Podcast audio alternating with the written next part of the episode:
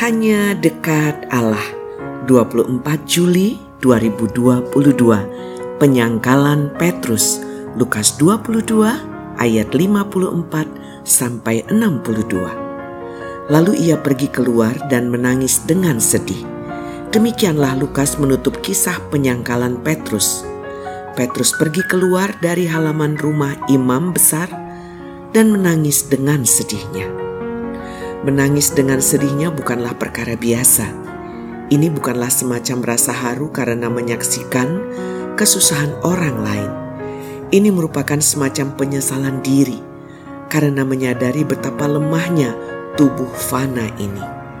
Frasa roh memang penurut tetapi daging lemah terlihat jelas dalam peristiwa ini.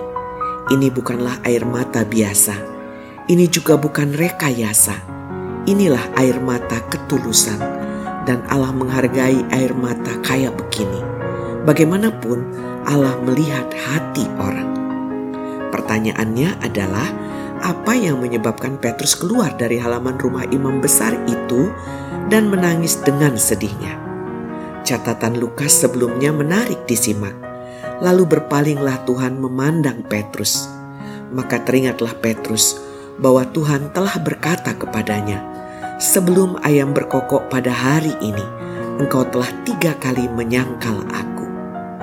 Mungkin inilah yang membuat Petrus menangis dengan sedihnya.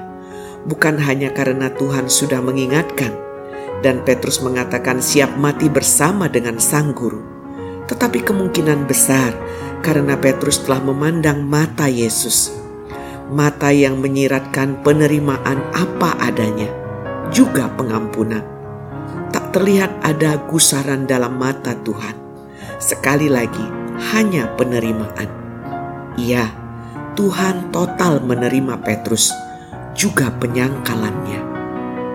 Salam semangat dari kami, literatur perkantas nasional.